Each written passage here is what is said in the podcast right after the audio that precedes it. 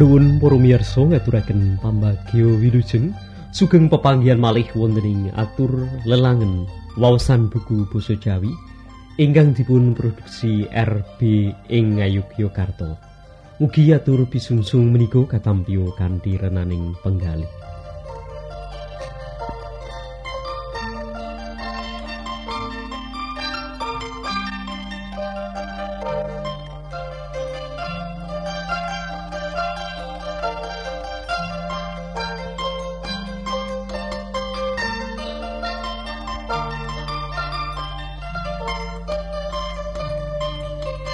Menggah semangki badhe ngaturaken sambeting cariyos. Kesrimpet jaring sutra. Seratanipun Ardini Pangastuti, kapetik saking kulawarti Mekarsari. Ngaturaken seri ingkang angka 9.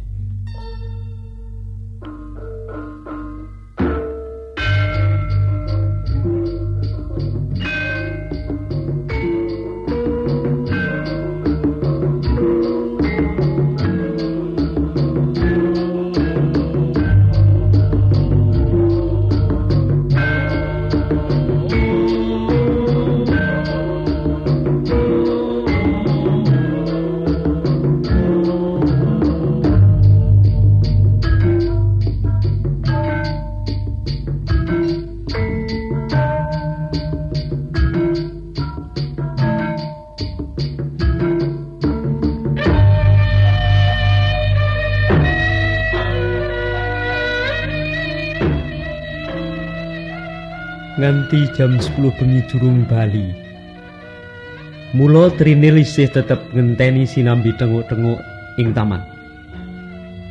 Purakanyono Darsono teko terus ngancani ngobrol. Satemeni Trinil krasa rikuh lan ora kepenak. Nanging dhewe ora bisa selak yen atine uga seneng sapejagung karo Darsono.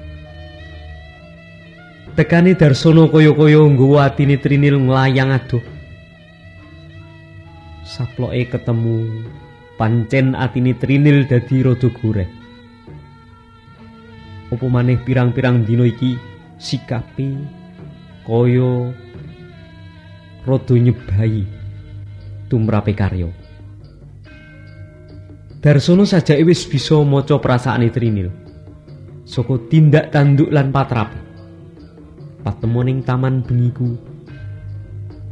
Cukup tumrape darsono kanggo ngukur sepiro kawigatene trinil marang dheweke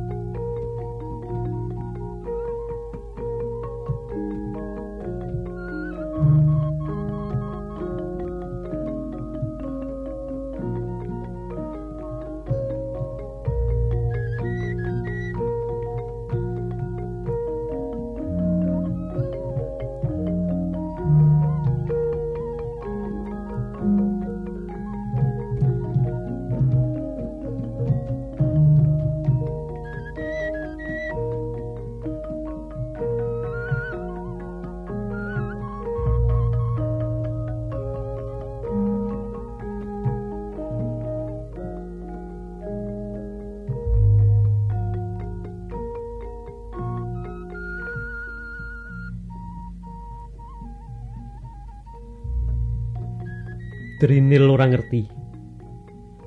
Kini dhewe iku kudu mikirake priya kang dudu bojone iku. Kini rasa kangen iku asring teka nggodha atine, ganggu ketentremane. Kini kudu ana katresnan ing antarane dhewe lan Darsana. Kini Trinil rumangsa kesiksa karo perasaane kang dirasakake keri-keri iki. Wanita sing biasane polos lan lugu kuwi saiki dadi kerep nyandiwara ing sangarepe sing lanang. Trinil nglirik bojone. Sing lanang kuwi katon pules banget anggone turu. Dadane munggah mudhun kanthi teratur. Swara ngoroke uga keprung senajan mung alus. Ora nganti senggar senggur kaya babi.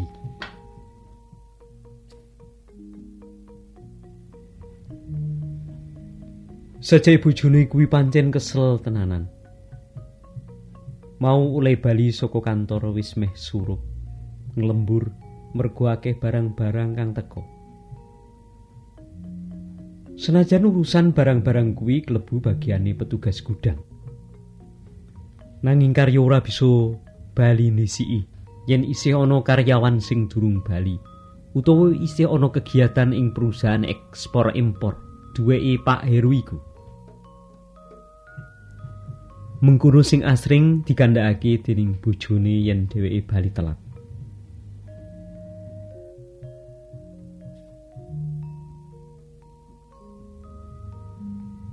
Aduh ing dasare ati. Satemene Trinil uga mesake marang sing lanang. Dewi kerep telenyu yen nyawang sing lanang. Senajan kerep nyebai. pengorbanane sing lanang marang dheweke uga cilik. Dheweke ngenal sing lanang kawit jaman isih dadi pembantu. Banjur bebarengan bebakulan ing pasar Mringharjo. Uripe dadi kepenak sawisi anake lair. Sawisi mapan ing Semarang, ing omahe keluarga Heru. Bojone bisa nyambut gawe genah sandang pangan wis ana sing nyukupi. Soal anak ya wis ana sing mikirake. Kudune dheweke wis cukup rumangsa mulya kanthi kahanan kang kaya mengkono iku. Nanging kasunyatan sing ana jebul kok malah siji tekani darsono adine Pak Heru ing omah iku wis ngaut-aut kabeh katentremane Trinil ngonggreh-onggreh atine sing maune ayem tentrem iku. Dokter nom kuwi kan bisa kabeh doyo tariki. Wis njalari atine Trinil dadi gunjang ganjing. Trinil ora kuwowo nolak katresnan kang diulungake dening priya iku.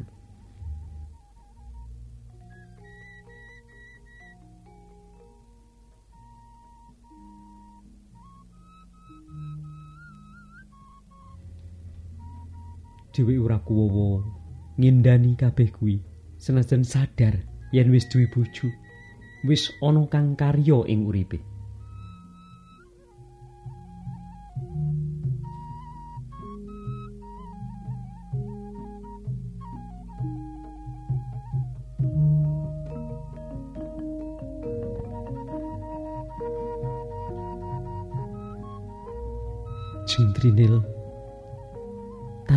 tak kandhakake mestine sliramu wis ngerti marang perasaanku.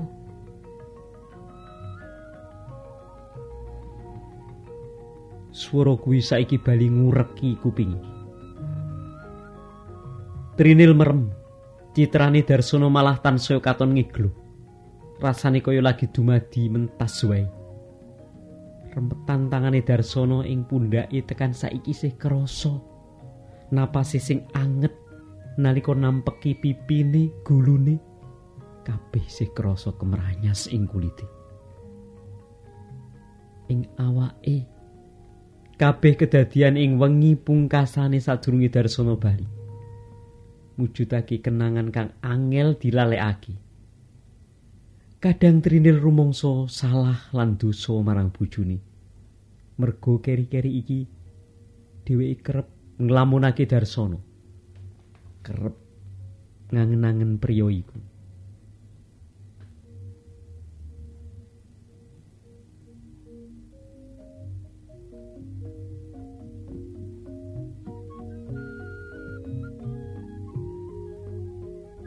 Sawisi kelisian suwi, pungkasane Trinil uga bisa turu.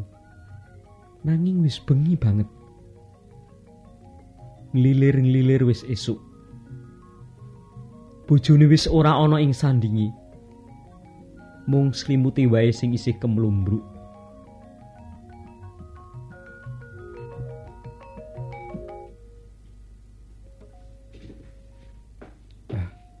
lagi arep tak gugah jebul wis tangi to. Aloke Karyo sing mentas metu saka kamar mandi nalika dheweke ngepasi nata spray sing lungset mentas kanggo turu. Trinil nyawang bojone sedilo. Mesem tipis terus nutukake anggone nata spray. Sajake lahmu turu kok kepenak. Karyo ngajak omongan maneh karo ngranggeh sandangan ing gantungan lemari. Mm -mm. Trinil menguang sulan cekak. Banjur ditinggal mlebu kamar mandi.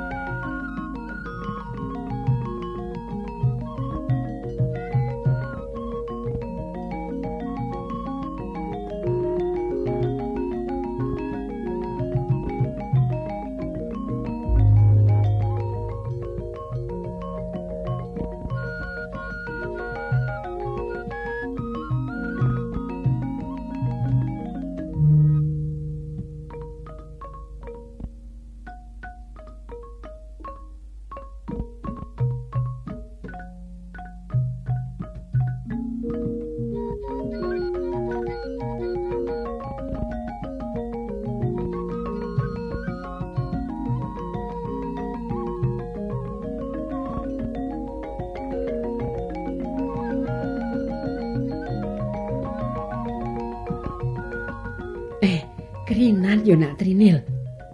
Kalau Mbok Sum nalika dheweke nutukake sarapan kanggo bojone. Iya, Mbok. Mbak Min wis mudhun. Durung. Nok saras ya durung tangi. Wis susune mengko selak adem. Mbok Sum nudingi susu sing cumepak ing meja mangan. Mestine ya durung, Mbok. Yen Mbak Min durung katon medun. Loh, mau bengi turun dhuwur to? Trinil mantuk. Mbok sumura takon apa-apa maneh. Dheweke bali nerusake gaweane. Nguring lauk.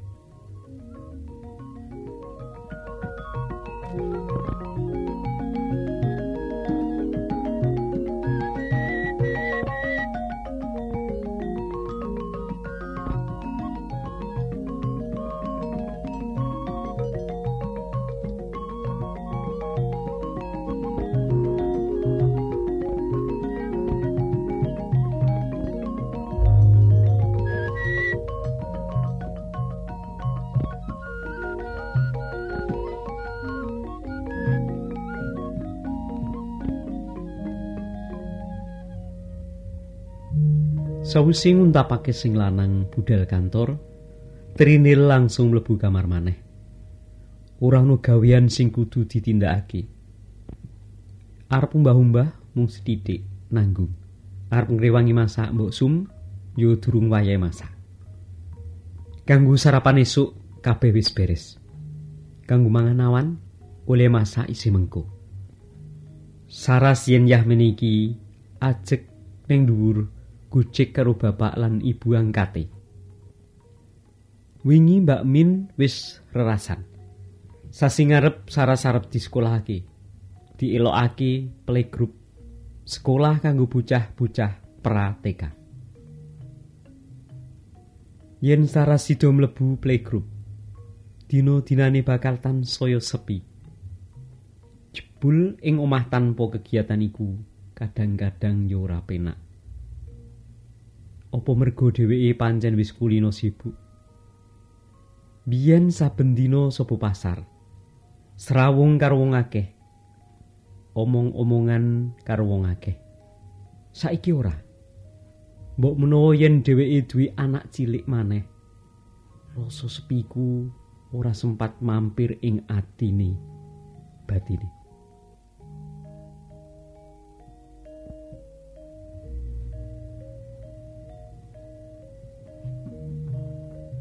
Nambah anak. Pikiran kuwi sempat nggodho Trinil ing kalane dhewe lagi kaspen kaya iki.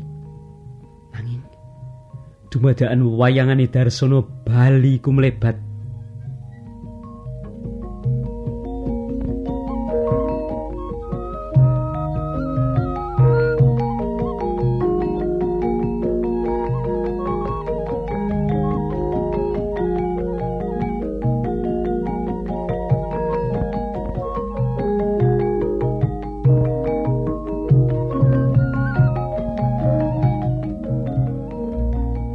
Trinil gedhe-gedhe nyoba ngusir wewayangan kuwi.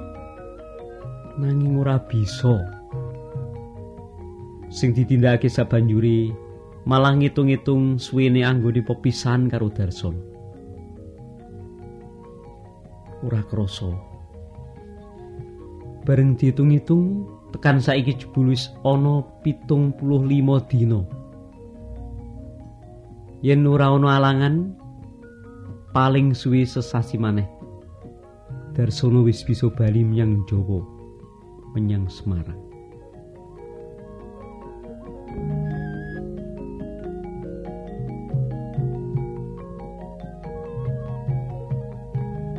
Ibu. Ibu. Suarane bocah cilik bengok-bengok saka njaba kamar. Lebu Saras ora dikancing kok. Oleh wangsulan Trinil tanpa mingket saka lungguhe. Jeng Trinil. Kuwi jelas suarane Mbak Min. Trinil kepeksa ngadeg lan gagi wae oleh metu. Ana apa Mbak Min? Pitakoni karo mengakake lawang. Eh, aku arep metu karo Saras. Bareng bapak menyang kantor. Titip apa? Aku mengko mlebu toko. Eh, ora Mbak. Aku ora butuh apa-apa. Ya wis. Tak tinggal dhisik ya. Monggo, Mbak. Trinil mantuk. Mripate nyawang anake sing katon lemu ginuk-ginuk. Nanging ayu lan lincah. Bocah kuwi uga gadekan lan pinter. Ibu sayang dhisik, Saras. Aloke marang bocah cilik iku karo mapanake pipine. Saras ngesun pipine ibune, terus mlayu nututi ibu lan bapak angkate sing wis ndisiki mlaku ing ngarep. Dadah, Ibu. Pamite Saras karo ngetapel ing pondongane bapak angkate.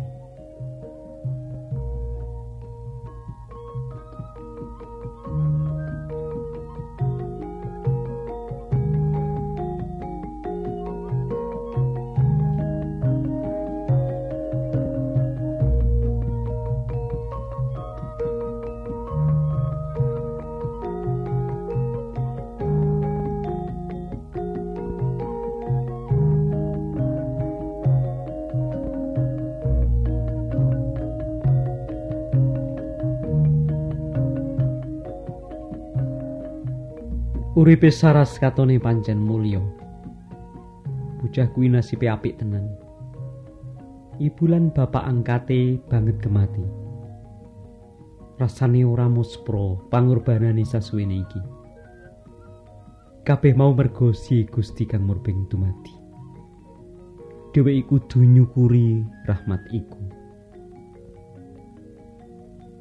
Bu, enten telepon. Rob mengok saka ruangan mburi. Telepon? Ah, Trinil kaget. saka ngendi? Dheweke ora duwe sedulur utawa kenalan sapa-sapa.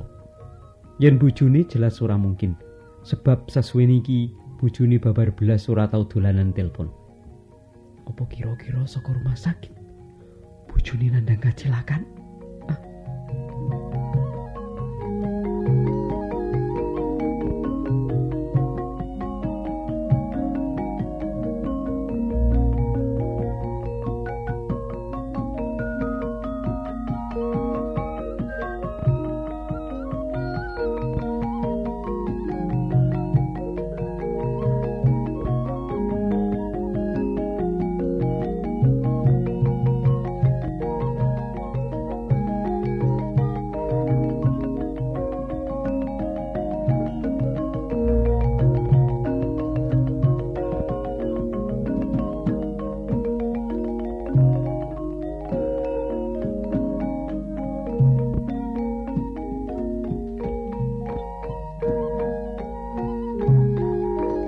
Ganti tangan rada gemeter Trinil ngangkat telepon sing gumletak ing meja iku.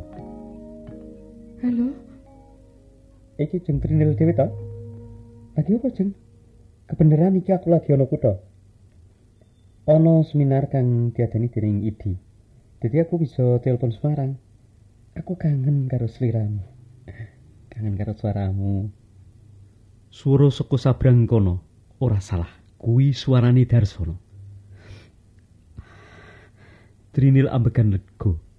Pranyata dudu telepon saka rumah sakit. Halo? Suarane Darsono maneh. Rada jengek wiramane.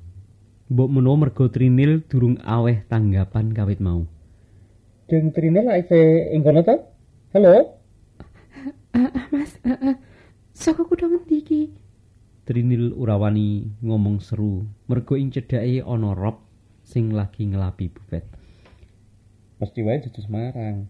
Ah, olehku ngebet iki saka hotel balik papan, Jeng. Priye kahanane Jeng Trinil? Sehat-sehat wae to? Yen ora ana alangan, sasi ngarep kita bakal bisa ketemu meneh. Ah, piye? Ning ojo kandhan omah. Ojo kandhan dhisik lho. Aku pengen gawe kejutan. Soal tanggale aku durung bisa mesthekake, Jeng. Pokoke mengko yen aku bali, Jeng Trinil kang bakal tak kandhani dhisik dhewe. Iya, Jeng. Sungsang dhisik. Kecupan ing horn telepon iku krasa nembus tekan jantunge Trinil. Nganti sauntara dhewe jenger ing kono. Telepon ora enggal diselehake ing wadahe senajan wis dipedhot suwe. Saking sinten, Bu? Pitakone Rob kepingin ngerti. Trinil kaget krungu pitakonane pembantu iku. Berarti Mas Darsono mau ora kondo. Yo jorop, Trinil kepeksa goro. Sawijining tumindak kang sasuwene iki tansah disingkiri. ning koyo rasa kondo marang sapa-sapa yen aku nampa telepon saka Yojo. Piwelingi sadurunge ninggalake papan kono.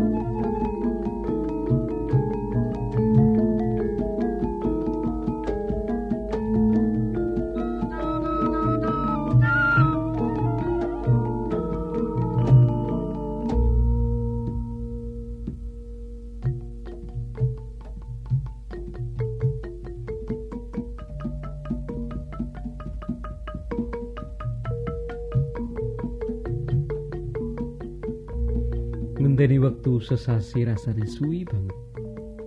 Kaya mataun-taun. Trinil rasane kaya wis ora kanthi. Dewi tansah mbayangake sapatemone karo Darsono mengko. Mesti wae yen karya lagi ora ana ing sisiane. Trinil dhewe uga ora ngerti. Gini dhewe kok nganti kegiwang marang priya iku.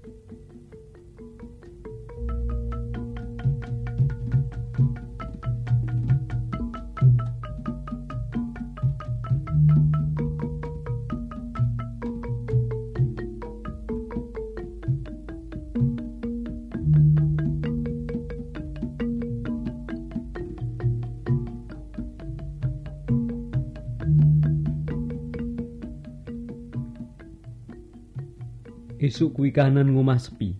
Bojone wis budal nyambut gawe. Saras uga wiwit mlebu sekolah ing playgroup. Isih dina katelu.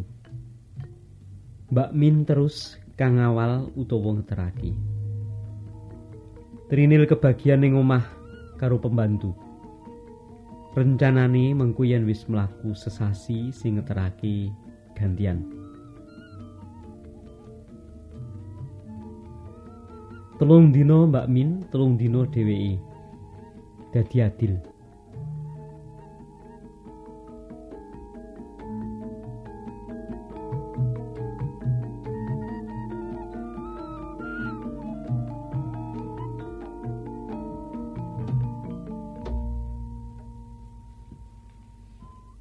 Kaya biasane yen lagi sepi utawa kaspen kaya iku. Angen-angene trine langsung melayu menyang Darsono. Kok durung bali yo? Janjine rak sewulan. Kamu kok saiki wis genep sebulan. Malah wis punjul limang dino. Nanging dhewe kok durung teko utawa kirim kabar. Ono apa? Apa ora sida bali? ora sida pindah menyang Jawa kemruwek pitakon ing atine Trinil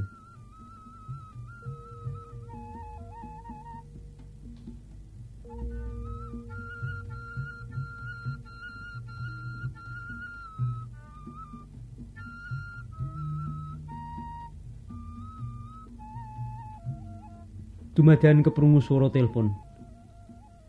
Trinil nyelehake majalah sing kawit mau mung dibukai dideleng gambare setengah diseret sikile jumangkah marani pernah telepon Halo, rumah kediaman keluarga Heru di sini. Suruh digawe rada merbawani. Kaya yen Mbak Min nampa telepon kae. Dheweke pancen asring migatekake yen Mbak Min nampa telepon. Bisa ngomong karo Jeng Trinil? Pitakon saka sabrang kono. Wiramane alus lan sopan. Uh, menika sinten nggih? Oh, iki Jeng Trinil ya. Ah, coba pedenan aku sapa? Ayo. Disambung suara guyu renyah. Trinil ora pangling karo swara guyu kuwi. Nanging swara ing telepon iku kok kaya cedhak banget. Telepon saking pundi to menika, Mas? Telepon saka ngendi to, Mas Dar? Pitakoni Trinil kanthi rasa seneng sing ora bisa didelikake. Saka Semarang, Jeng. Ojo nganti ono sing ngerti dhisik lho. Sopo wae sing ono omah iki? Mbak Minono. Uh, kebenaran malah lagi sepi, Mas. Mbak Min ngeterake Sarah sekolah. Oh, Sarah wis sekolah to. Eh, uh, sak temene aku pengen ketemu karo Jeng Trinil.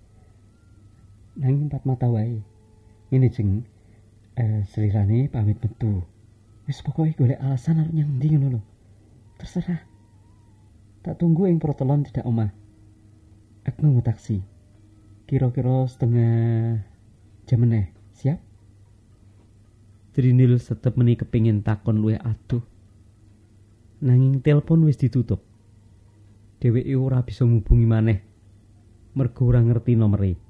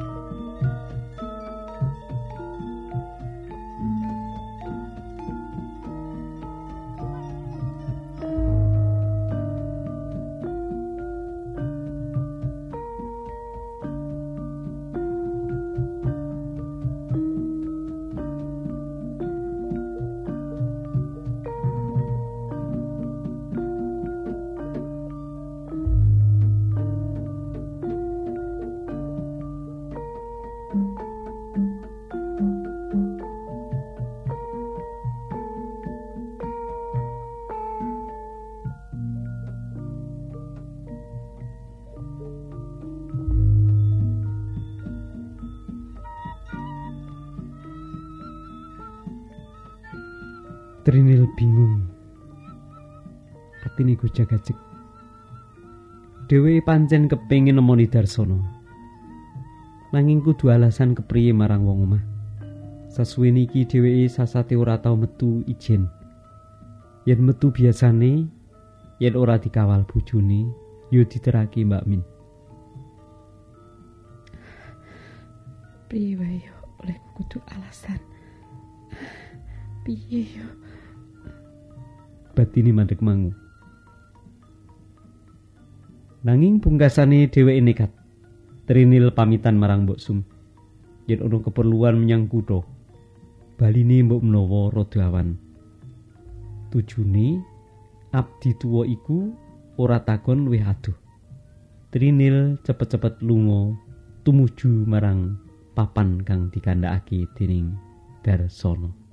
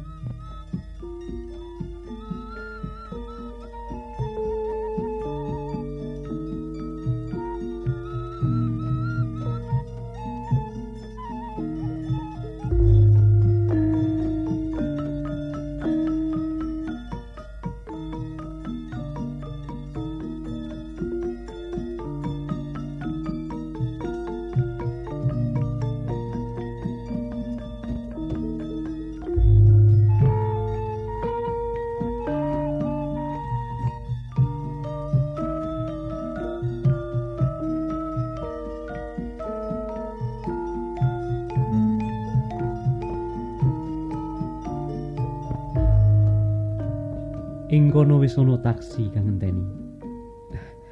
Aku kangen jeng. Ujari Darsana ora wani nantang panyawangi priya ing sisih iku. Taksi terus mlayu ngener kutha, ngliwati jembatan dhuwur dalan tol, ngliwati Sri Ratu lan pungkasane minggu ing sawijining hotel mewah cedhak Simpang 5. Kita wis tekan, Jeng. Darsana ndisi mudhun lan mbukake lawang taksi kanggo Trinil.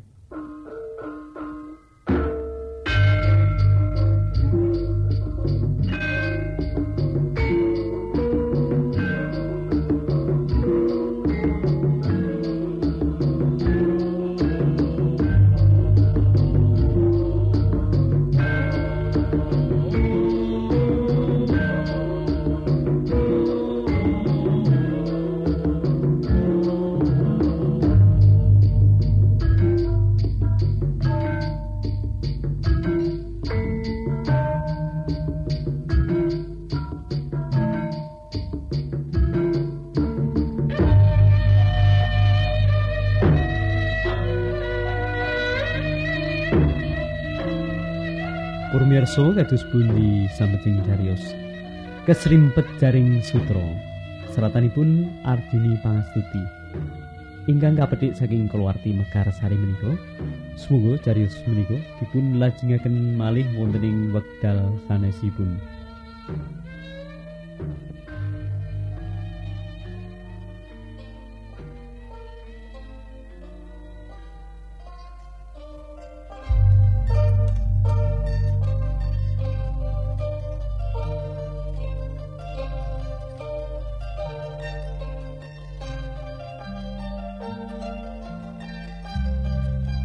Cekap semanten atur lelangan wawasan buku basa Jawi ingkang dipun produksi RB ing Ngayogyakarta.